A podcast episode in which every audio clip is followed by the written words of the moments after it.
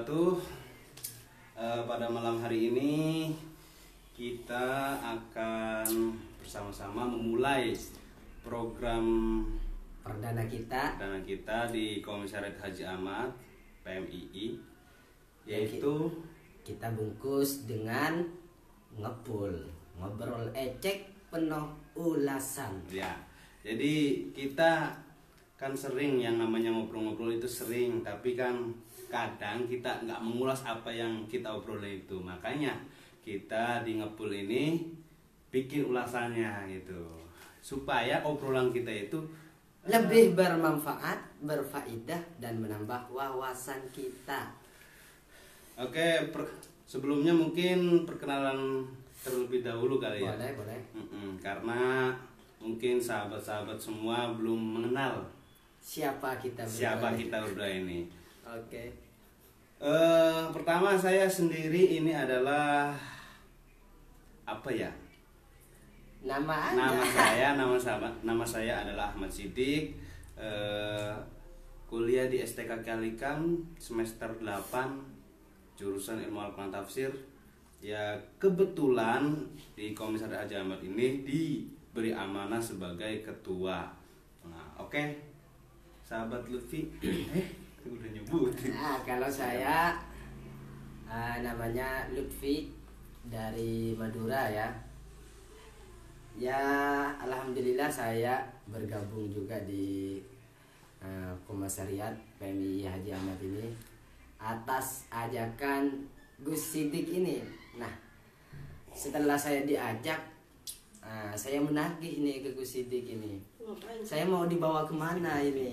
Apa programnya? Nah, dari obrolan-obrolan itu akhirnya lahir sebuah program dan inilah program perda- perdana kita yaitu ngobrol ecek penuh ulasan. yang bisa disingkat menjadi Ngepul. Ya, seperti kita merokok. Merokok itu menimbulkan asap Kepulan-kepulan asap. kepulan-kepulannya gitu. Nah, bagaimana kita ini kepulan-kepulan kata-kata yang penuh makna. Ini yang kita harapkan. Oke, sahabat Arya boleh bergabung. Lah, ayo ya. Gua kalah dulu tuh dua. Oke, oke. Mungkin di episode pertama kita gimana Bung Lutfi, sahabat Lutfi, kita mau ngobrolin tentang apa ini? Pada Nah, sebenar pertama kita ini. sebenarnya dari awal ya kita tidak mematokkan apa yang akan kita rutin untuk kita obrolkan. Nah, cuman namanya obrolan ya biar lebih ah, tertata, biar lebih apa istilahnya ya? Ah, roller coaster ya, apa Hmm. istilahnya? Biar tahu arahnya ke mana gitu, maka harus ada topik, harus ada Judul, ah, tema. judul atau tema. Nah, untuk kali ini kita ah, akan sedikit mengulas mengulas dari buku ini teman-teman sahabat-sahabat sahabat-sahabati fikih kebangsaan yang berjudul Fikih Kebangsaan. merajut kebersamaan di tengah kebinekaan Oh ya. ini buku eh, Yang diterbitkan oleh tim Bahsul Masail Himasal Himasal. apa tuh Himpunan himpunan terus alumni santri Lirboyo. Oh, Ya, berarti pondok salaf yang begitu terkenal itu ya, cukup Iya. besar dan sangat populer di Indonesia tentunya dengan khas kitab kuningnya dan wawasan keilmuan keagamaan klasik yang begitu dalam ya.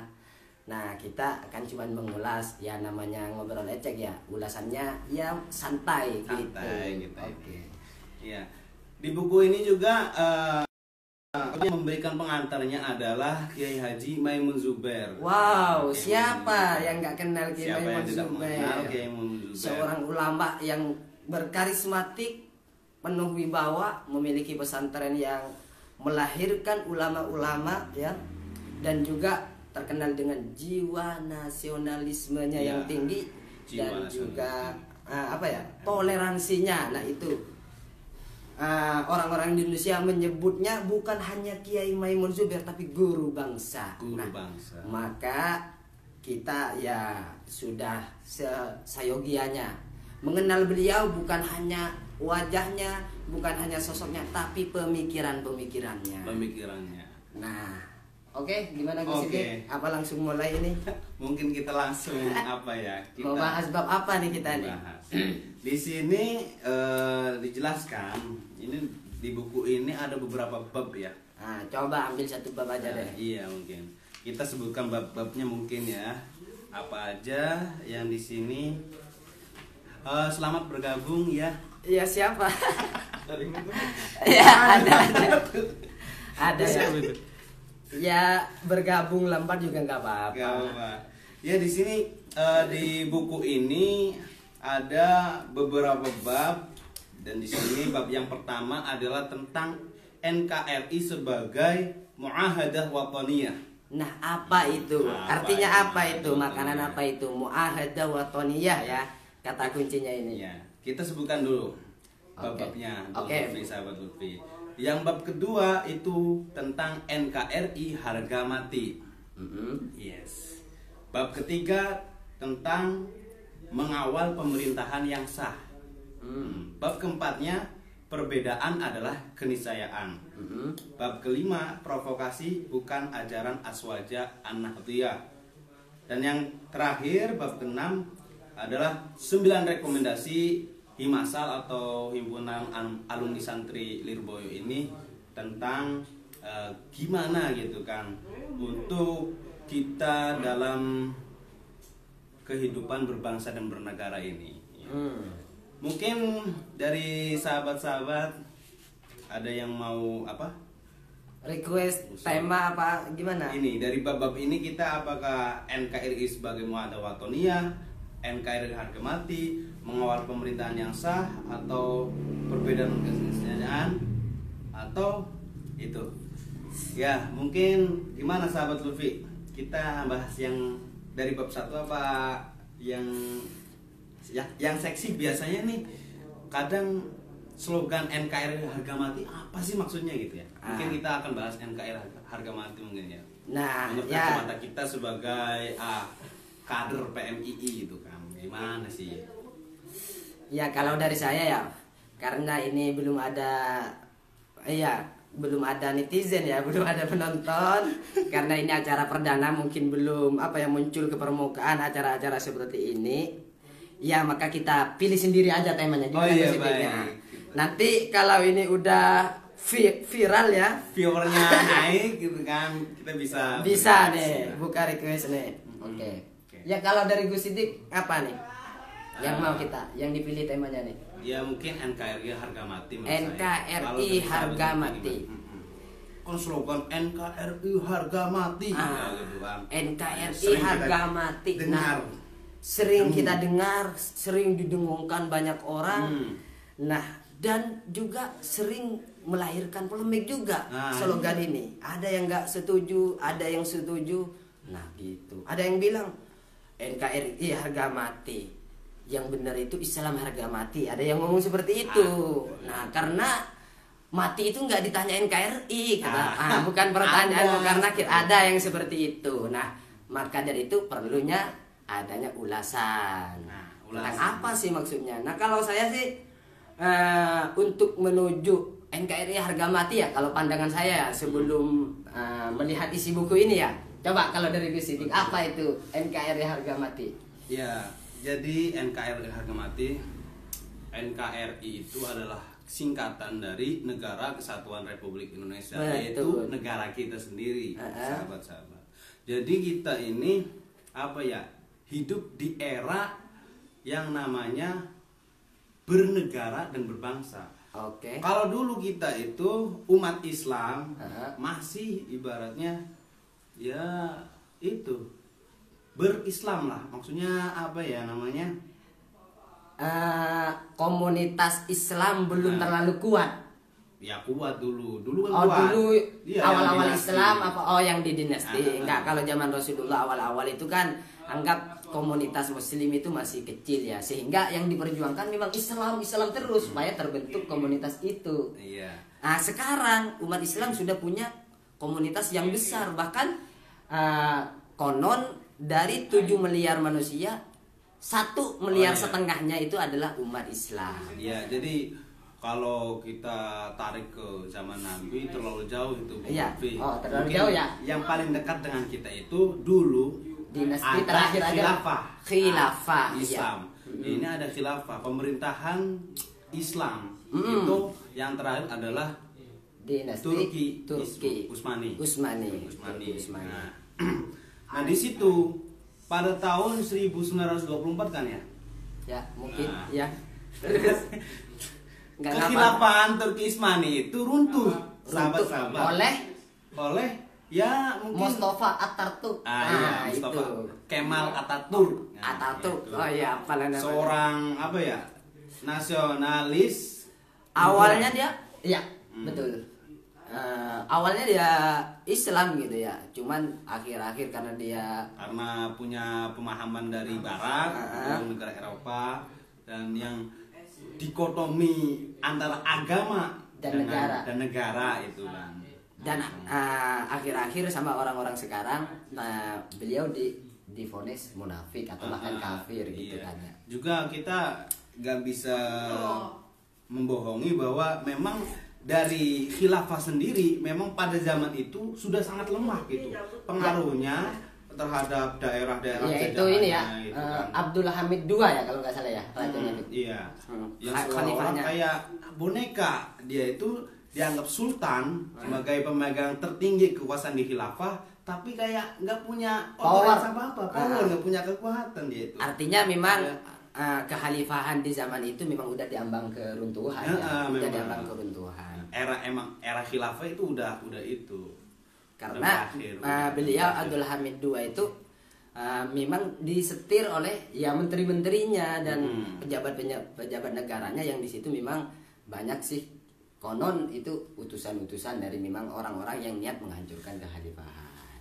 Nah, pada era sekarang ini banyak orang masyarakat terutama umat Islam ya tentunya yang berharap kekhalifahan itu bangkit kembali sehingga ingin uh, apa ya menyingkirkan NKRI gitu. Nah, perlunya coba menghilangkan negara ibaratnya ingin mewujudkan khilafah yang dulu itu ya. Hmm. Ibaratnya khilafah nubuah gitu kan. Khilafah khilafah alamin haji Ah, nubuah gitu. gitu kan. Karena menurut mereka khilafah itu adalah ajarannya Islam. ajaran Islam atau Nabi yang mengajarkan tentang Nabi yang mengajarkan dan mereka memahami itu sebuah keharusan. keharusan mendirikan khilafah. Padahal Nah, padahal gimana padahal? Padahal- Kita simak di buku ini Iya. aja. Coba dibaca dulu apa gimana? Iya. Jadi di buku ini kita langsung aja ya. Di sini persam pertamanya adalah tentang urgensi persatuan dan bahaya persa- perpecahan. Hmm, ya. Nah, mungkin mm, tuh pas khilafah kita ini bahas NKRI nanti apa khilafah sih ya. Tapi ada NKRI-nya aja. aja. Nah, Jadi aja. kita urgensi persatuan dan bahaya perpecahan. Nah, di sini disebutkan Allah berfirman, "Wa tasimu bihablillahi jami'a wa la tafarraqu." Dan berpeganglah kamu semuanya kepada tali Allah dan janganlah kamu bercerai-berai. Quran surah Ali Imran ayat 103 ya. Nah, di sini dikatakan Imam Al-Baghawi dalam kitab tafsirnya menyebutkan sahabat Ibnu Mas'ud radhiyallahu an menafsiri kata hablullah dengan arti jamaah. Jamaah. Nah, jamaah. Artinya apa? Jamaah itu Harus bersama-sama, bergotong royong, bersatu. Mm-mm. Gitu. Oke. Kemudian di dalam tafsir Al-Qurtubi di sini dijelaskan perbedaan yang dilarang adalah setiap perbedaan yang berdampak kehancuran. Itu perbedaan yang dilarang. Yang dilarang. Oh, berarti kalau ada perbedaan yang dilarang, ada perbedaan yang tidak dilarang. Nah, itu. Nah. Artinya perbedaan itu memang suatu keniscayaan mungkin kan. Nah, mumpung bahas ini, saya pernah mencatat sebuah quote ya, yang ini di disampaikan oleh Abdullah Rizal Maulana MAG ya di sini ya. Nah, Ya. Saya nemu di HP ini. Untuk bisa toleransi, kita harus bisa meniscayakan keperbedaan. Jika tidak ada perbedaan, apa yang mau ditoleransi? Nah, artinya untuk bisa mencapai sebuah sikap moderat sikap memaklumi sikap apa ya, toleransi nah itu kita harus menyadari bahwa perbedaan itu adalah sunnatullah bahkan di Al-Quran sendiri ya ada itu ayatnya ya apa itu Bu Siti ayatnya Yang apa? Eh, ayat tentang perbedaan Ah, itu uh, yang itu. Yang apa Tentang ya? Ta'aruf itu apa sih? Oh, yang Inna khalaqnakum min dzakari wa untha wa ja'alnakum syu'uban wa qabaila lita'arafu. Aku menciptakan kalian berbangsa-bangsa, berkabilah-kabilah. Ya tentunya berbeda-beda, baik suku, negara, agama bahkan ya. Hmm. Nah, itu supaya kalian dita'arufu saling Saling mengenal. mengenal. Saling mengenal itu luas. Kalau kenal berarti kalau tak kenal maka tak sayang, berarti kalau kenal berarti sayang dong. Mm-mm. Artinya sayang Mampu saling peduli gitu. itu, sahabat. Bahkan di ayat yang lain itu ya Nah, kurang lebih terjemahannya itu ada uh, sesungguhnya aku Allah itu bisa untuk menciptakan kalian uh, menyembah satu Tuhan. Mm. Ada itu ayatnya ya. Iya. Gimana coba dicarikan dulu deh. Cari dulu. Oh, aduh, nyari dulu. Nyari dulu ya, lupa nih enggak dis- Soalnya kita ini enggak ini ya. Mungkin ya, Enggak mencip, membuat konsep terlebih dahulu untuk obrolan ini yang ngalir aja gitu ya. Ngalir Maka eh, kadang itu ya bahannya juga mungkin mungkin artinya ya, seperti itu. artinya saja mungkin Hmm. artinya Allah itu Terus. ya? Allah Jelasin dulu. kalau ingin uh, membuat manusia itu taat gitu kan taat kepadanya itu Mampu Tuhan. mampu kan Hmm. itu sesuai nggak kira-kira Sesuai. Terus terus ulas dulu, ulas dulu. Ah, ulas dulu. Saya cari dalilnya dulu nih ya. Biar agak agak yang lain gitu. Tapi sepertinya ini butuh perasapan dulu Oke.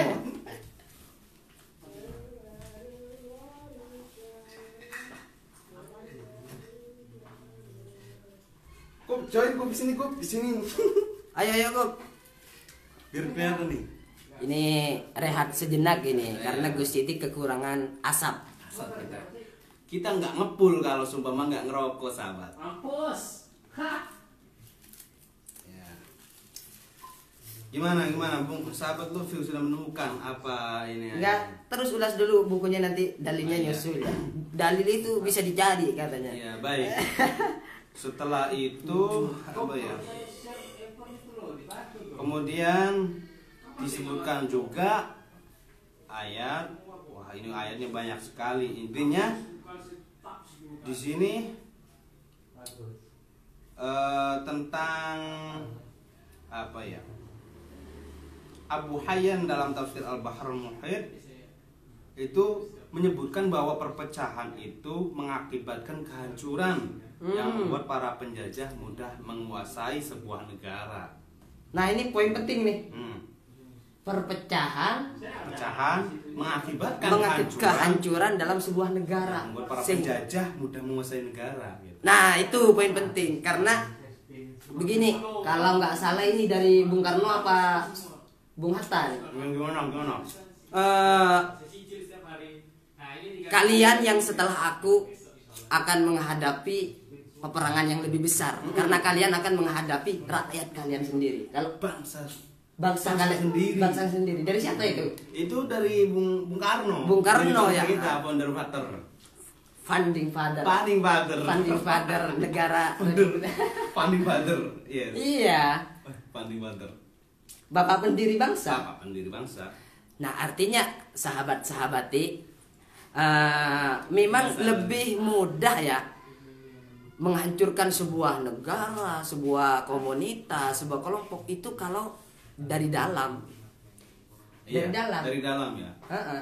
Bahkan konon ya menangnya bangsa Mongol ya menghancurkan Baghdad dan semacamnya. Padahal waktu itu ya waktu keilmuan Islam begitu maju, Selamat bahkan kamu. umat Islamnya umat Islamnya solid ya. Hmm. Tapi kenapa bisa kalah dari Mongol? Itu karena ada sebagian orang Islam sendiri yang mau dibayar oleh Mongol. Akhirnya timbullah perpecahan dari dalam sehingga menuju kehancuran. Itu dari kata siapa itu? Abu Hayyan. Abu Hayyan. Hmm, Ya, itu perlu dicatat, sahabat-sahabat ya. Ya, perlu dicatat.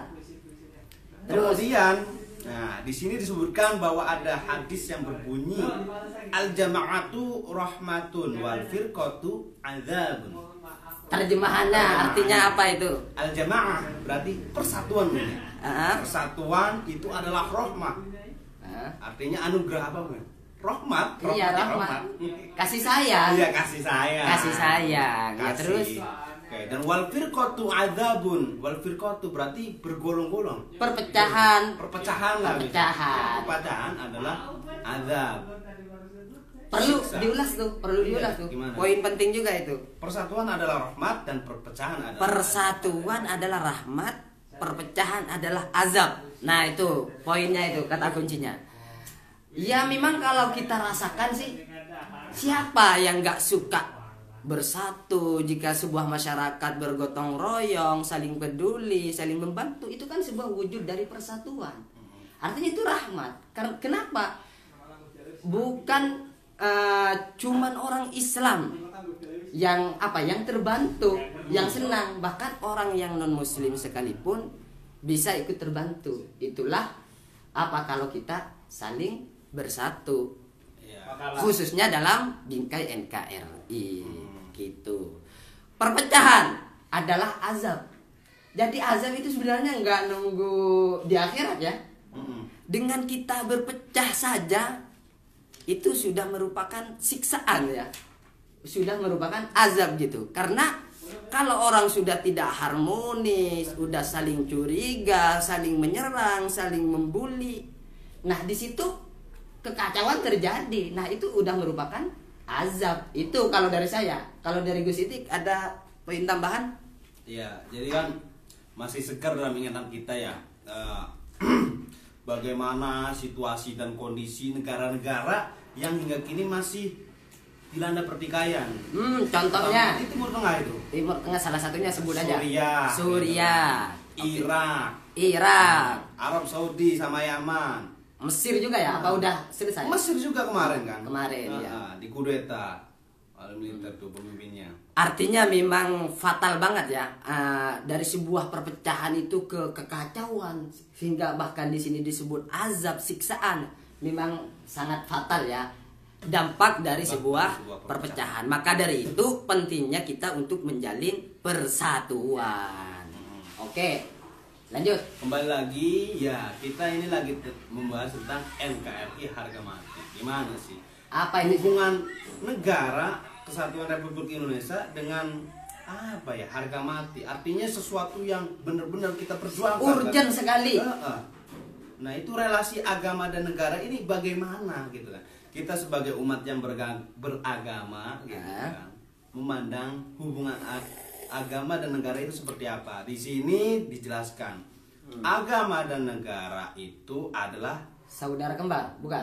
ya itu kan Ah, oke. itu menurut Imam Ghazali Imam gitu Ghazali ya. Imam Ghazali. Dan itu yang sering dikutip oleh Al Hashim Muzadi kalau nggak salah. Hmm. Sering saya dengar seperti itu. Di sini Oke. disebutkan bahwa agama dan de- negara itu merupakan dua hal yang tidak dapat dipisahkan, sahabat-sahabat di semuanya. Ah, ah, oke. Eh, selamat bergabung. Selamat bergabung. PMII Haji Ahmad eh apa tuh? Itu Ibu Kopri Wana Zarli. Oke. Selamat bergabung. Ibu Kopri. Ibu Kopri kita dari Depok. Iya. Terus Jadi Iya, sebaliknya.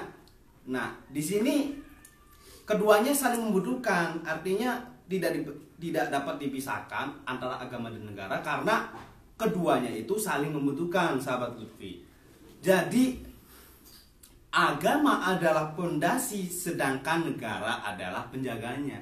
Ya kan? Pernah mendengar kan gitu? Sering kan? sering ya. kita Cuman mendengar. untuk ah, apa ya? Ide-ide semacam Ah, ah, ah. ini supaya ah, diterima oleh masyarakat, supaya ah, diterapkan oleh masyarakat ini perlu terus digemborkan Gus Idik. Heeh. Perlu ya. Iya, iya, iya. Nah, saya ada kutipan lagi nih catatan ini Basir. catatan pribadi saya yang saya catat dapat dari sebuah acara ya di Al Hikam sendiri yang bertema menumbuhkan Pancasila sebagai landasan kebersamaan nasional religius dalam kehidupan berbangsa dan bernegara.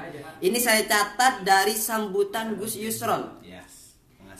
Pertama beliau itu yang mengutip kalam Al Ghazali yang barusan itu ya agama dan negara adalah saudara kembar yang saling membantu gitu. Saling membantu. Terus kata eh, Gus Yusron ya, Hmm. dulu Abah Hashim Ash'ari, Kiai Hashim Ash'ari ya, Hadratus Syekh pendiri iya. NU memperjuangkan negara dengan menggunakan agama. Nah, itu perlu dicatat.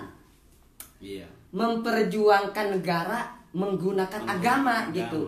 Karena eh, tidak bisa kita pungkiri bahwa adanya semangat keagamaan Mm-mm. itu bisa sebenarnya untuk menumbuhkan semangat berbangsa dan ber- bernegara Gitu ya. terutama dalam berjuang menumpas penjajah Penjajah.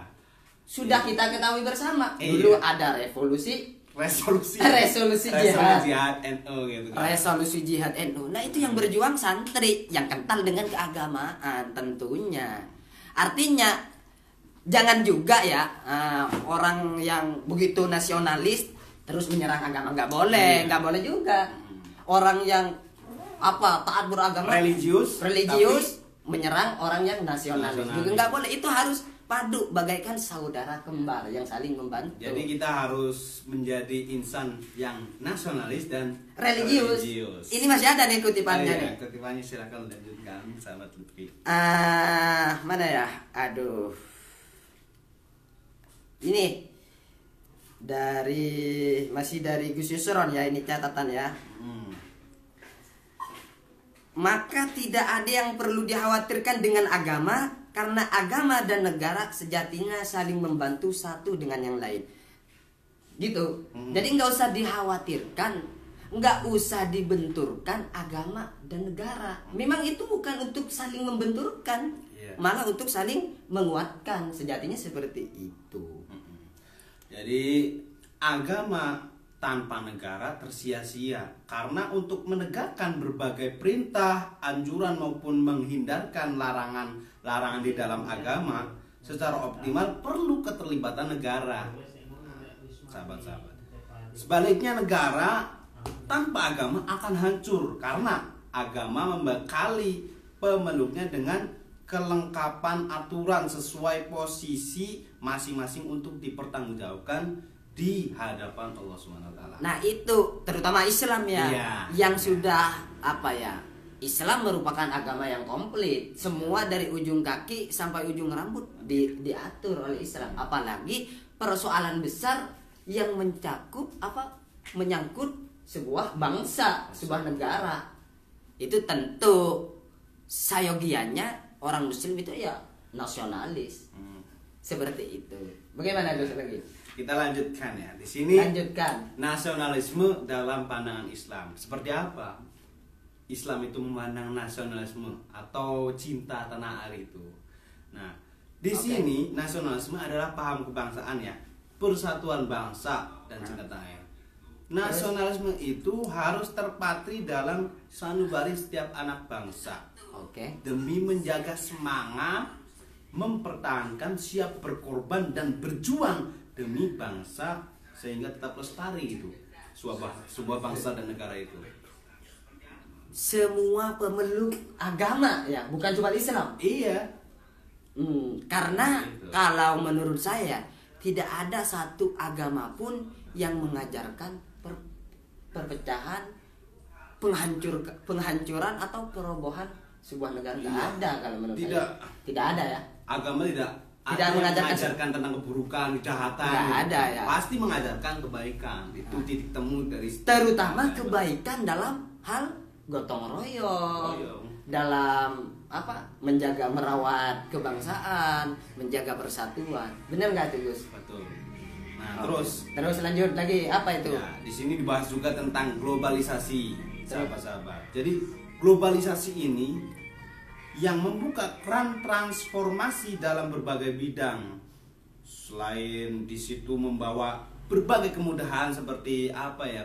kita bisa mengenal yang namanya internet karena globalisasi. Oke. Sahabat Lutfi. Terus Namun resikonya pun tak kalah besar.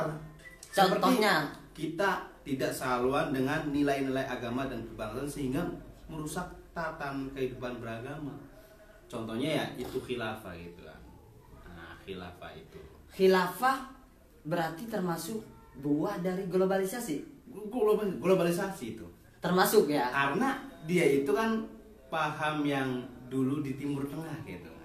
Oh, artinya dengan kemajuan teknologi dan semacamnya, ah, kita bisa lebih mudah menyalurkan pikiran, termasuk pikiran-pikiran yang merusak ya. Mm-mm. Oke, terus lanjut. Nah, di sini eh, gimana bentuk negara dalam pandangan Islam itu ya? Oke. Nah, dalam Islam sendiri Bung Lutfi itu tidak ada nas yang sore yang mengatur bentuk suatu negara itu seperti apa. Menurut siapa nih? Harus ada sumbernya. Iya. Menurut Sebab pembentukan negara merupakan persoalan siasah gitu kan. politik. Dulu, Oke, politik. terus. Yang teknisnya disesuaikan dengan kondisi atau sekira lebih mendekatkan pada kemaslahatan dan menjauhkan kemudaratan. Hmm. Oh. Di sini yang tercantum oleh Al-Afyuni. Tuh, Imam Al- Al-Afyuni dalam kitabnya Al-Alaqah. Al-Alaqah. Nah, jadi eh, teman-teman eh, menurut buku ini ya yang sudah kita paparkan tadi Ah, judulnya kebangsaan. bahwa memang tidak ada nas yang, Yang sore, sore dalam- baik dalam hadis atau Al-Qur'an yang mengatur tentang eh, teknis sebuah apa ya? mengatur negara. bentuk negara. Bentuk negara itu nggak ada.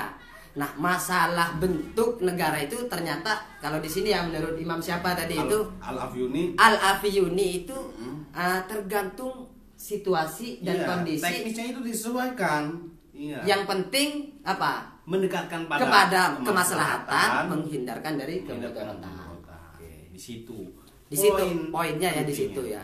Jadi selama uh, bentuk sebuah negara itu mengacu kepada kemaslahatan, perdamaian, persatuan, maka masalah bentuknya bebas ya. Iya. Bebas, oke. Jadi yang dijelaskan di Al-Qur'an itu siasa, tentang siasa politik. ya. Politik.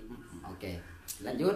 Eh, nah, di sini kita kembali lagi tadi di awal kita kan ten- membahas tentang NKRI harga mati. Oke. Di sini ditanyakan kembali kenapa harus mempertahankan NKRI Kenapa? sebagai bangsa Indonesia. Kenapa? Kalau saya boleh bertanya nih ya. Pertanyaan Kan? menjawab. Bertanya nih. Pertanyaan nih. Iya, kenapa harus dipertahankan NKRI itu? Apakah sudah betul membawa maslahat dengan negara berbentuk NKRI atau malah mudarat? Kan itu yang sering dipertanyakan. Ya, betul. Atau andaikan NKRI dirubah, apakah akan hancur negara? Misalnya gitu. Nah, Ya. butuh jawaban itu, Gus. Butuh jawaban dulu. Coba baca dulu itu bukunya Ya, itu. Nih, di sini eh, karena mempertahankan NKRI ini sejatinya mempertahankan eksistensi Islam di sini. Kok bisa tuh? Itu. Ini jawaban dari pertanyaan kenapa harus mempertahankan NKRI. Aha. Ini jawabannya karena mempertahankan NKRI eh, sejatinya mempertahankan eksistensi Islam gitu. Apakah- Karena apa? Sebab Sebab oh, masih ada lanjutannya dalam ya. Oke. konteks keindonesiaan Oke. agama bisa tegak bila masyarakatnya bersatu damai gitu. Tidak Oh. ada perang gitu. Ketika kita damai, kita bisa Menjalankan- dengan tenang gitu kan, Oke. menjalankan ajaran agama dengan tenang gitu Oke. tanpa aduh, tanpa ada rasa ketakutan akan perang gitu kan, dibom apa di mana. Oke, oke, oke, Nah, oke. Makanya eh, damai ini adalah yang terpenting itu. Mm-mm. Nah, tidak mungkin bersatu damai tanpa memegang teguh prinsip dasar negara yang telah disepakati seluruh warga Indonesia. Oh, Oke. ini. Nah, NKRI ini adalah yang disepakati gitu, disepakati oleh Yang disepakati. para founding father. Indonesia ini yang ya kita tahu sendirilah tidak hanya dari Kelompok. Islam saja, kelompok Oke. Islam saja, tapi kan Oke. ada agama lain di Indonesia ini ya, baik dari Kristen, Hindu, Buddha, Konghucu, apa lagi? iya, ya segitu kan, enam itu, enam, enam agama di Indonesia ini yang diakui oleh. Nah, mempertahankan NKRI yang merupakan bagian dari empat pilar bangsa. Empat pilar bangsa. Pancasila, Terus Bhinneka Tunggal Ika, oke. Undang-Undang Dasar 45, 45. yang terakhir Tap MPR. Nggak, masuk. nggak masuk. Apa? Lupa ya, lupa nggak apa-apa. Oh iya, enggak. Biasanya kalau empat pilar bangsa itu disingkatnya PBNU. Apa terus? PBNU. P Pancasila. Pancasila P, B. Terus B-nya Bhinneka Tunggal Ika. B-nya Bhinneka Tunggal Ika. N. N. NKRI harga mati. Enggak usah, NKRI aja. NKRI. Oke, terus Terus yang ke U, U. yang U Undang-Undang Dasar 45. 45. Oke. Hah? Jadi NKRI ada NKRI ini adalah manifestasi siasah syariah gitu. NKRI adalah manifestasi Siasah politik syariah. Syariah. keagamaan.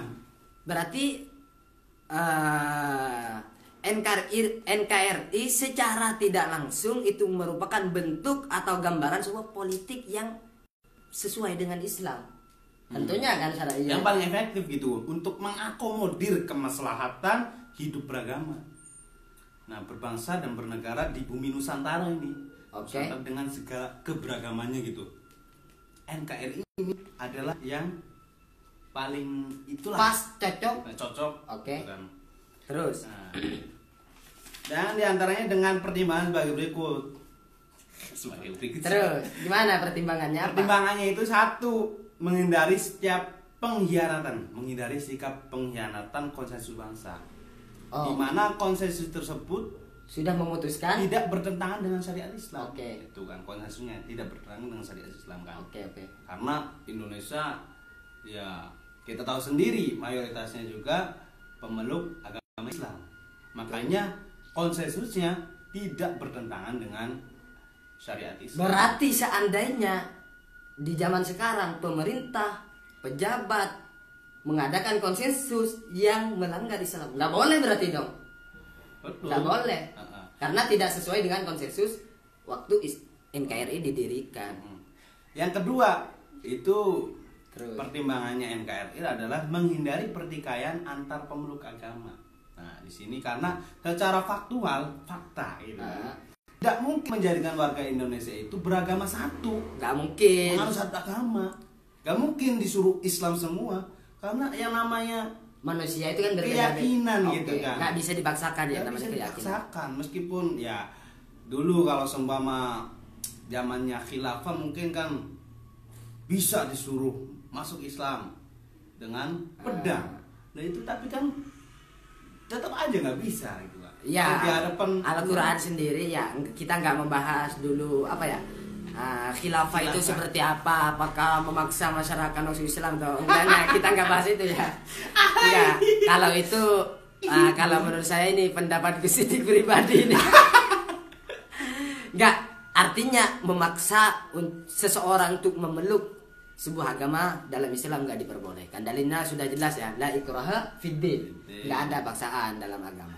Meskipun kita selaku umat Islam harus yakin bahwa inna dina indallahil Islam. Islam. Agama yang diterima di sisi Allah ya cuma Islam. Maka itu yang harus kita pertahankan. Tentunya dengan yang penting nilai-nilai Islam itu yang kita perjuangkan. Oke, Terus lanjut. pertimbangan selanjutnya kenapa NKRI Terus? adalah menghindari terjadinya perang saudara.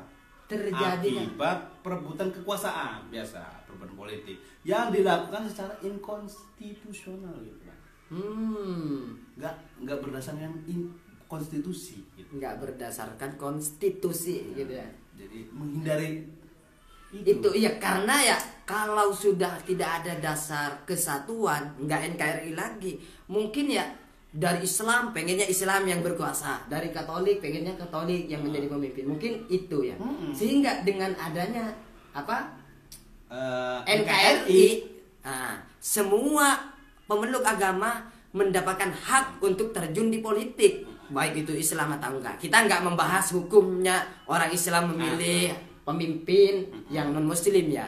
Yang kita bahas Indonesia atau Undang-Undang Dasar 1945 tidak mengatur seseorang itu beragama apa ya untuk menjadi eh, pejabat gitu ya pemimpin Pemimpin, ya? oke Nah, selanjutnya pertimbangan yang terakhir adalah menghindari terjadinya eh, disintegrasi Disintegrasi antar bangsa.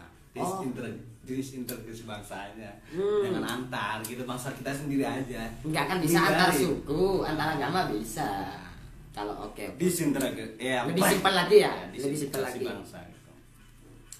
Nah, dalam konteks ini ulama NU lintas generasi konsisten, sahabat-sahabat meneguhkan sikapnya atas eksistensi NKRI sebagaimana berikut. Terus apa itu? Ya, merujuk resolusi Jihad 22 Oktober di situ. Oke. Mempertahankan dan menegakkan NKRI menurut hukum agama Islam adalah fardu ain Fardu ain ya. atau wajib, termasuk sebagai satu kewajiban bagi tiap tiap muslim dalam Oke. jihad fisabilillah. Terus Nah, terus ini adalah merupakan upaya final dari perjuangan seluruh penduduk Indonesia termasuk umat Islam di dalamnya dalam mendirikan negara. Hmm, terus Terus yang ketiga, NKRI adalah negara yang sah menurut hukum Islam yang menjadi wadah berkiprah melaksanakan dakwah yang akomodatif dan selektif serta bertakwa. Sesempurna mungkin tidak usah mencari atau membuat negara yang baru gitu. Nah, yang terakhir ulama NU, NU mempunyai tanggung jawab terhadap kehidupan kebangsaan dan kenegaraan baik dahulu, sekarang maupun masa mendatang sesuai keputusan Muktamar ke-29 NU di Cipasung, Tasikmalaya. Terus? itu bahwa NU mempunyai tanggung jawab Bung Lutfi terhadap kehidupan kebangsaan dan kenegaraan. Sekarang Nah, kalau- dulu sekarang dan masa yang akan datang kalau dari saya ya, Mm-mm. kalau Gimana? bisa ini bukan cuman NU yang bertanggung jawab, ini tanggung jawab kita bersama gitu. Mm-mm. Harusnya ya. iya tapi kan ini kan ini Buku dari NU ya? bukan bukan bukan Bagaimana?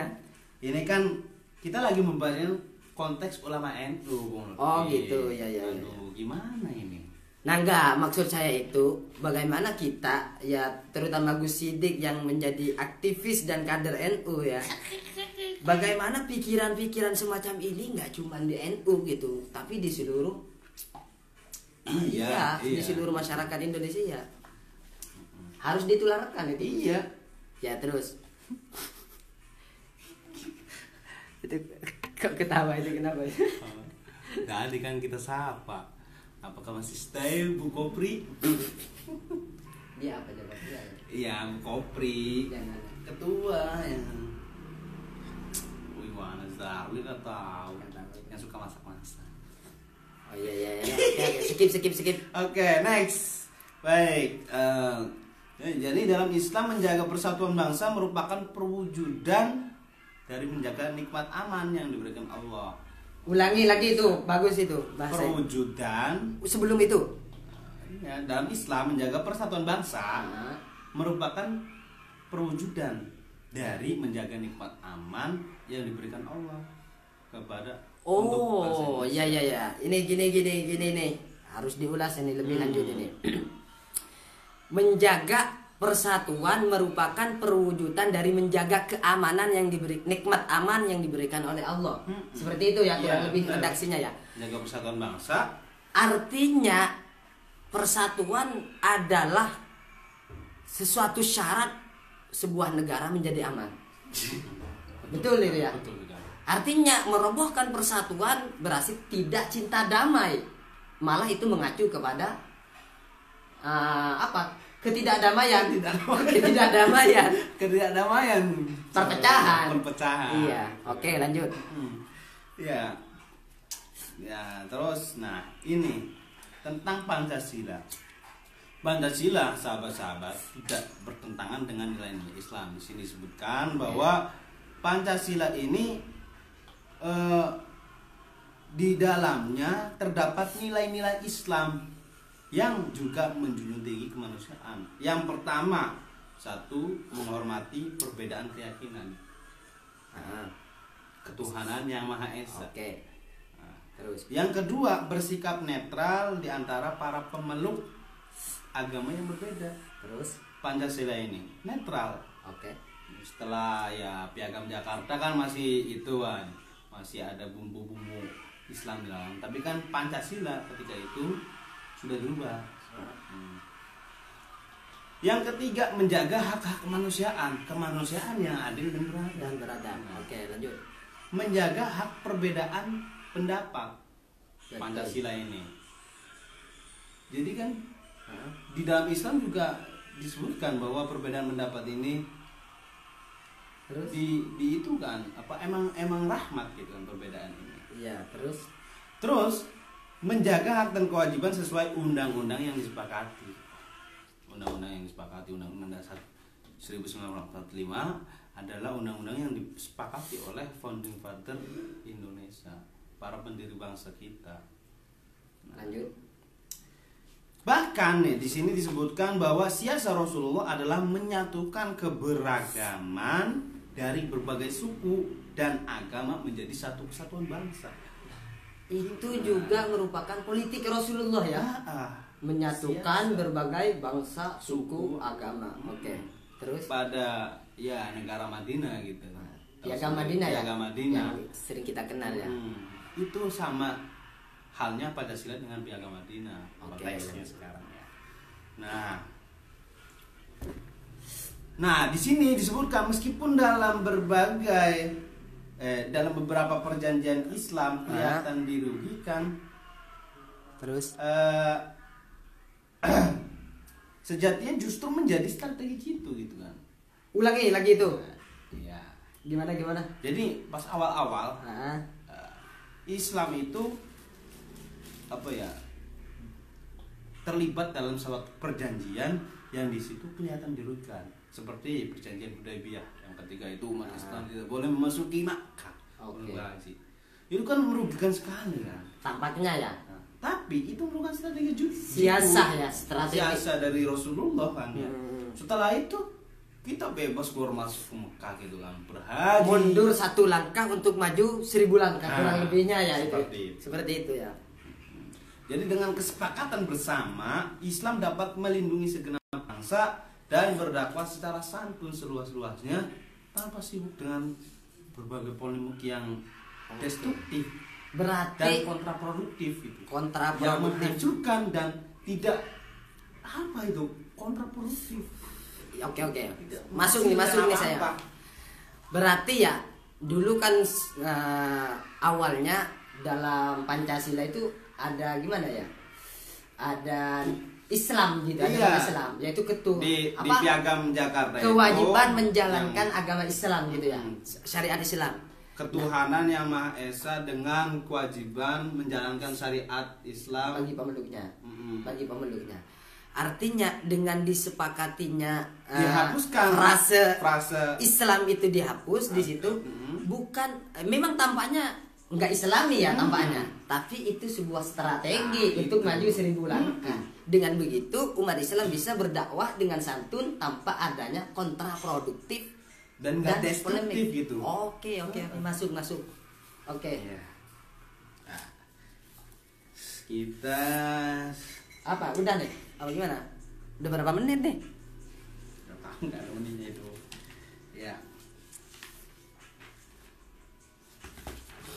terus ya di sini disebutkan bahwa di catatan sejarah Mm-mm.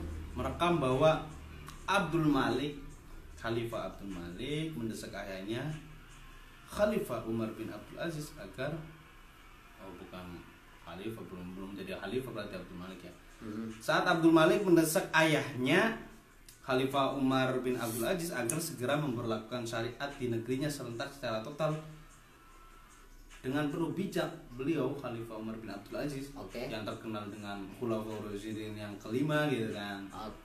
Iya, Umar kedua. Nah. Dan julukannya beliau.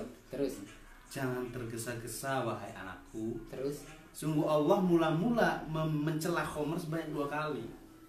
Nah, baru melarangnya pada kesempatan ketiga. Hmm. Sungguh aku khawatir bila aku memaksa manusia menetapkan menerapkan syariat sekaligus, mereka akan menolaknya. Jadi Nah, mengenai Khomer ini ya. dan justru menimbulkan fitnah besar itu. mengenai pelarangan Homer di awal-awal Islam itu kan Homer boleh kan ya? Iya. Nah, Homer coba boleh. gimana itu ceritanya itu Gus? Wah, tentu sahabat Lutfi yang Nah. menjelaskan. Silakan. Itu kan eh, awal-awal Islam Homer boleh. Tapi pelarangannya Rasulullah nggak langsung Ini Nggak sekaligus ya? Komisar PNJ hadir. Assalamualaikum. itu ya kalau dalam sejarah ya Rasulullah nggak melarang sekaligus ya, Mm-mm. tapi bertahap. Iya. Sehingga di saat para sahabat mentalnya sudah kuat karena orang namanya juga udah kecanduan awalnya boleh langsung dilarang ya nggak mungkin masuk mental ya. Iya. Sehingga saat dengan sedikit-sedikit dari Rasulullah pelarangan Homer dengan bertahap akhirnya itu diceritakan para sahabat membuang Homernya itu ber ber apa ya, banyak banget lah Heeh. seperti drum apa bahasanya Drum ya, drum. drum ya berdrum drum ini dibuang ke ke sungai gitu dengan sukarela tanpa disuruh lagi Tanpa ada rasa paksaan gitu. nah berarti yang penting itu untuk menjalankan syariat Islam itu bagaimana manusianya itu Ngepul dulu. siap dulu ya Mm. gitu Mm-mm. oke oke lanjut Jadi slogan kita dalam PMI biasa kan. Selamat berproses sahabat-sahabati. Berproses. Semuanya Menuju- itu ada prosesnya. menuju apa itu Menuju hasil yang paling ideal mungkin itu kan. Hasil yang maksimal sempurna oke ya, dan tidak catat. Oke. Ya, mungkin itu sudah selesai kita pembahasan tentang NKRI harga mati. Jadi mungkin Bung Lutfi akan memberikan kesimpulan atas obrolan kita ecek-ecek ini dan iya. memberikan ulasannya tentang NKRI harga mati itu gimana kita menyikapinya dalam Ah, iya. konteks sebenarnya ya kalau ulasannya dari tadi udah banyak sih Iya, ya. iya. cuman untuk lebih Disimpulkan, salah. khulasohnya ya Iya, atau khulasoh. apa istilahnya bahasa intisari ya intisarinya itu eh, untuk menuju NKRI harga mati supaya manusia masyarakat Indonesia terutama umat Islam sadar pentingnya persatuan merawat kebangsaan itu harus meniscayakan perbedaan. Baik perbedaan agama perbedaan suku perbedaan warna kulit dan semacamnya itu harus meniscayakan. Karena itu merupakan sunnatullah. Itu udah kehendak Allah perbedaan itu ya. Memang di Al-Quran seperti itu. Ketika kita sudah apa ya risih terhadap perbedaan ya mau gimana mau bisa bersatu? Iya. gimana mau bisa bertoleransi? Makanya. Makanya tadi kan ada kuat untuk bisa bertoleransi harus meniscayakan perbedaan. Ketika sudah tidak ada perbedaan, apa yang mau diniscayakan? Apa yang mau ditoleransi gitu ya? Gitu. Jadi- kesadaran terhadap keniscayaan perbedaan itu penting pertama ya. Iya. Yang kedua, bahwa eh, merawat persatuan berarti merawat nikmat aman. Itu saya suka tadi itu. Karena ketika kita sudah tidak bersatu, ketika kita sudah pecah, maka di situ kerusuhan akan timbul. Udah nggak akan aman lagi gitu. Oke. kita tidak leluasa dalam beribadah gitu kan Terus ternyata NKRI atau Pancasila tidak bertentangan dengan politik Islam. Agama dan negara merupakan kalau kata Al Ghazali saudara kembar yang halu yang harus saling membantu.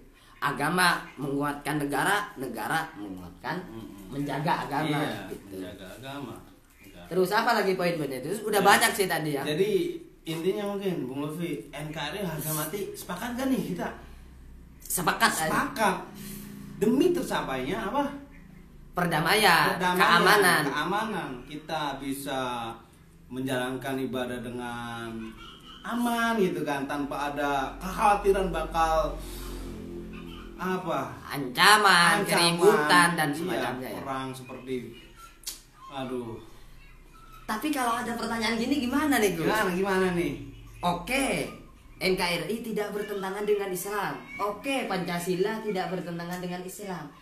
Tapi para pelaku-pelakunya, pejabat-pejabatnya tidak menerapkan Pancasila itu sendiri. Nah, itu gimana? makanya Gimana makanya itu? kita harus mengisi ruang-ruang itu Bung Lutfi Artinya kita harus harus jadi menjadi pejabat harus gitu. jadi pejabat ya? jadi yang namanya kita itu nggak boleh anti yang namanya politik gitu Oh. kan kesannya kan ulama-ulama kita yang host itu ya itu Ah, politik itu Gimana gimana gimana? Nah, ya politik itu gimana ya Ah, menurut jangan bawa-bawa ulama deh. Aha. Ah, ini kayaknya ranahnya udah ranah sensi. Ulama yang mana dulu? Jangan ulama semuanya kita nggak mau ngomong ulama. Iya. Kebanyakan ulama itu menganggap bahwa politik itu Apa kotor? iya kotor kan. Kotor. Enggak. Tapi Kotor faktanya dalamnya. banyak ulama yang terjun ke Ya, politik, Bu. makanya itu yang harus kita contoh gitu kan. Ah. Ulama yang berpolitik. Tapi kalau saya Tanpa- pribadi, kalau saya pribadi Hmm. Nggak mau menyalahkan ulama yang nggak terjun ke politik. Iya, iya, iya. Saya. Maksudnya kan dalam artian ja- jangan anti banget dengan politik gitu kan. Karena gini, Bung, kalau dari saya ini Iya, gimana? pendapat nih? subjektif saya ini ya. Wes, iya, emang sih. Eh, karena ya eh, manakala di Islam juga ada ketika seseorang sudah merasa eh, keadaan ini mengancam dirinya baik itu agamanya keluarganya ada ajaran namanya uzlah Bu. Wow, bung. ada bung. namanya ajaran khulwah yaitu menyepi dari keramaian meninggalkan bahkan meninggalkan sosial Hmm. karena memang merasa ini udah nggak bisa diperbaiki ini kalau saya terjun saya akan terjerumus itu Iya. dalam Islam ada yang seperti itu nah tinggal ya perbagian peran sih kalau menurut mandat dari alam oh ini ulama yang sekaligus politisi ulama yang nggak mau politisi itu pilihan sih kalau menurut saya Hmm. terus gimana nih Jadi seperti biasa kita di Mapaba ataupun ya di organisasi KNU yang lainnya bahwa NKRI harga mati gimana Bung Lutfi? oke NKRI harga mati oke? oke oke Iya. gimana tutup apa gimana Ya, ya mungkin kita tutup mungkin ya obrolan ecek-ecek kita Ah. yang penuh dengan ulasan Iya, ini. acara ngepul kita ini ya. Kita Udah. pada malam hari ini rutinan setiap malam Senin. Eh, tunggu sahabat-sahabati yang belum bisa bergabung untuk nanti kesempatan berikutnya dapat bergabung lah. Ini kan Ya. bisa disimpan ini kan videonya. Mm-mm, bisa Disimpan dong. bisa. Jadi yang nggak nonton live penting ini live streaming ini Iya, bisa. nonton di nonton di postingan ya. Iya dong. Saya ingin menutup dengan sebuah kaul ulama ini ya, kaul ulama Lu lama gimana nih? karena ini merupakan acara perdana kita. Artinya ini Iya. permulaan kita nih Permulaan kita. dalam Start. mengadakan acara ngepul ini. Iya. Ada ulama berkata seperti ini, Bu. Man asyraqat bidayatuhu asyraqat nihayatuhu. Hmm. Yang artinya jika permulaannya udah baik, udah bersinar, ujungnya juga akan baik. Mm-mm. Artinya eh, saya rasa dan saya berharap ini merupakan permulaan yang baik. Mm. Jadi baik dari niat kita udah baik, dari diskusi kita baik. Kalau ada yang belum baik. Mm.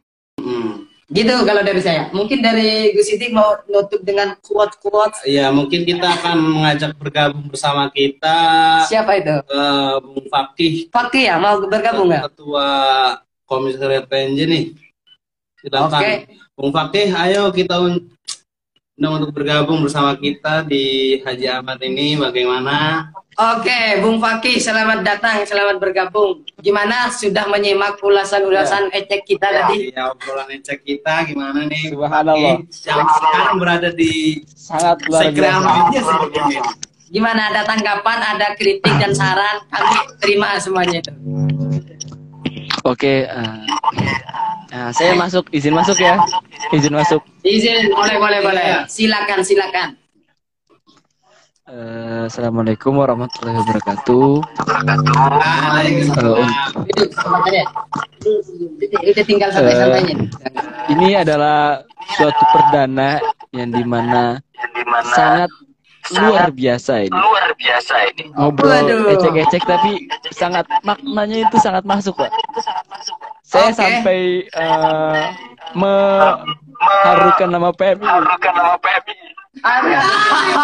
Kita nggak pakai seragam ini. Cinta Tapi sekali, Pak. jiwa kita Menghargai. Jiwa kita itu, Pak. Iya, iya, iya. Terus, terus. Gimana ada tanggapan-tanggapan gimana? Bung Fakih. Tanggapan terkait terkait ngepul ini ya. ini Saya ya. sih Iya iya iya. Saya ada sih saran. eh, ada saran. Ini kan jatuhnya kayak apa ya? Jatuhnya kayak podcast bukan sih? Jatuhnya kayak podcast bukan sih? Gimana? Ini jatuhnya kayak podcast atau apa namanya? Eh, soalnya cuma berdua doang. Soalnya cuma berdua doang. Kan kalau ini ngobrol. penontonnya banyak nih muncul-muncul nih wajah-wajahnya. Oh. Nah, tuh. Ada. Kalau misalnya begini Soalnya ya, kalau mau di. Diliput semuanya ya. Kameranya kecil ini cuman pakai HP belum punya ini kita kamera yang canggih ini Nah, aku ada saran nih Pak. Ada saran, masukan nih.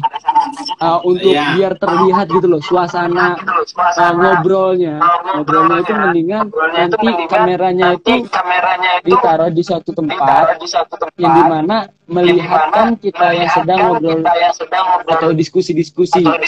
Meskipun ecek-ecek nggak apa-apa gitu. Yang penting eh, terdengar suaranya gitu. Antara apa namanya si penonton yang siaran langsung sama Siaran langsung sama eh, dari pihak penyimak apa yang Iya, dia penyimak dan juga pembicara. Jadi biar enak di antara keduanya. oh Dan audien satu ada lagi, audiennya nanti lagi ada yang Nah, dan satunya lagi, satu lagi itu ada orang yang bagian admin. Barangkali ada uh, orang yang sedang live streaming, eh yang apa? Sedang eh, nonton, yang apa, yang nyimak sedang itu nonton, bisa itu memberikan bisa masukan dan lain sebagainya. Dia ikut. Dia dalam diskusi dalam tersebut. diskusi tersebut. bergabung seperti ini nih misalnya ada yang mau nanggapi gitu mau iya. bertanya atau gimana Nah, iya mungkin itu. Salah satunya seperti itu, Pak. Oh gitu oke oke oke terima kasih masuknya Bung Fakit kalau inilah pendapat eh, pribadi Bung Fakit ini tentang acara kita ini gimana nih program Gara-gara ngebul ini. Sudah bagus. Uh, pendapat saya ini sudah bagus. saya ini sudah bagus. Lumayan luar biasa ini. Pembahasannya juga menarik. juga menarik. Ah, kita ini memang dari awal nggak pakai konsep ini, langsung duduk aja ini. Oh mau baca buku apa nih? Nah, langsung aja. Makanya kalau ada kekurangan ini wajar. Memang kita Ya, gimana ya? Orang praktisi itu jangan terlalu apa ya kaku sama konsep kalau menurut saya. Kita ini ah, ah, apa ya? Penerap langsung menerapkan aja gitu. Mantap, mantap, mantap. Ya, jadi biasa. Praktisi bahasa saya sih praktisi sosial. Dari sini, Ya, dari sini kan kita akan belajar, ya, streaming ini sebenarnya nggak terpikirkan dari awal. Nah, ini baru terpikirkan Tadi aja. 50 menitan yang lalu ini. Awalnya kita mau Oh, ngumpul aja, nggak usah ada kamera di situ rencananya. Tapi kayaknya menarik juga sih. Gitu ya. Nah, biar kayak mereka-mereka juga kata Gus Siti. mereka mereka siapa ini? Ini sudah, Untuk PNJ sudah- sendiri, sudah sangat luar gimana? biasa ini. Untuk PNJ ini acaranya apa akan diliput kamera juga apa bagaimana nanti? Kantin, kantin. Kantin seru. apa? Kantin seru. Kajian rutin. Bagaimana, bagaimana? Untuk acara ini kegiatan apa komisariat Kajian. PNJ ya yang apa katanya kajian rutin apa? Seru-seru. Kajian Oh, rutin seru kajian ya? rutin sharing ilmu. Ya, Ah, oh, nantikan saja. Sharing ilmu. Setiap pagi. Oh, setiap pagi ya tiap hari. Iya, Pagi itu, iya. Luar biasa. Cuma ini ya, dia mungkin sekali-kali itu kan boleh lah. bentuk suatu kemanfaatan. Oke, oke, Manfaatan untuk sekitar. Itu, Pak. Ya mungkin sekali-kali Bagaimana? Masuk, diliput Pak? juga, live streaming juga, biar insya Allah ya. Nantikan saja. Oke. Nantikan saja. Dan terima kasih menggabungkan. atas bergabung di forum kami ini ngepul ini. Terima kasih partisipasinya. Salam hormat dari kami nih. Kritik dan saran selalu kami nantikan untuk bagaimana ke depannya lebih baik lagi, lebih epic lagi, Asik. dan Siap, lebih siap, siap. siap. bermakna gitu. Lebih tajam Kalau bisa nanti meeting. meeting. Epic, habis epic meeting aja, Pak. Oke, oke. Oke oke. Gimana nih? Apa lagi nih? Ya. Tutu apa lanjut? Tambah ecek-ecek lagi nih, tambahan ecek-ecek nih. Ini saya situ- kembalikan lagi kepada tim komisariat Haji Ahmad. Iya. Monggo dari Gus Sidik apa? Ayo, ayo. Ya, terima kasih dari Saya udah kan tadi. Bupati. Kita akan kembalikan Anda. Gimana caranya? Enggak tahu. Biarin aja gini enggak apa-apa. Ya udah. Kita akhiri saja ya ngobrol kita pada malam hari ini gimana? Biasa. Ah, ya kan saya udah udah tadi memberikan Ya. intisari. Mungkin dari Gus Sidik penutup penutup aja udah penutup. Ah, ya Mau ditutup dengan salam dengan alhamdulillah Ya, dengan bisa. sebuah jargon boleh. Jargon kita apa nih? Kalau jargon saya sendiri nih, kalau diterima sama ketuanya, Hmm. berpikir, eh, bertindak, eh bersikap, bertindak. Berpikir, bersikap, bertindak. Oh, itu iya. kalau saya. Itu, itu bagian dari apa ya? Suatu penerapan dari insan ulul albab. Di situ kan berpikir, bertindak, bersikap dan bertindak. bertindak. Itu bagian dari insan ulul albab. seperti Oh, itu. Oke, terima kasih. Oh iya. Ini ada yang bergabung lagi. Ada nih. yang bergabung siapa? Selamat malam sahabat dan sahabati. Waalaikumsalam. Bagaimana ini? Waalaikumsalam Siapa? warahmatullahi wabarakatuh. tanggapan di room chat itu. Maulana Mi. 16. Bagaimana bagaimana Waalaikumsalam di sini. Apakah ada yang Masukan. itu kayaknya dari tadi. Wah, dia baru bergabung. ya kalau nggak ada tutup aja, Gus. Baik. Mungkin alangkah baiknya kita tutup dengan bacaan doa kafaratul majlis ya. Subhanallah wa bihamdika asyhadu an la la asyhadu an la ilaha illa anta astaghfiruka wa atubu ilaik. Assalamualaikum warahmatullahi wabarakatuh. Haji Ahmad Pamit undur diri. pamit undur diri. Nantikan kami. Sampai jumpa pada minggu berikutnya malam Senin. Jangan lupakan jamnya dari jam 9 ya. Oke. Insya Allah. Semoga istiqomah, berkah dan amanah. Amanah. Oke. Oke, oke, oke. Itu. Wallahul muwaffiq ila komentari. Assalamualaikum warahmatullahi wabarakatuh. Salam pergerakan. Waalaikumsalam warahmatullahi wabarakatuh. Salam. Salam. Muhammad Yakub bergabung. Betul. Mana sih? Itu tuh yang yang- Mana sih? Berhenti enggak? Berhenti enggak? Aduh, live-nya matiin, bos. Di mana? Pencet ini. Nah, gila sejam.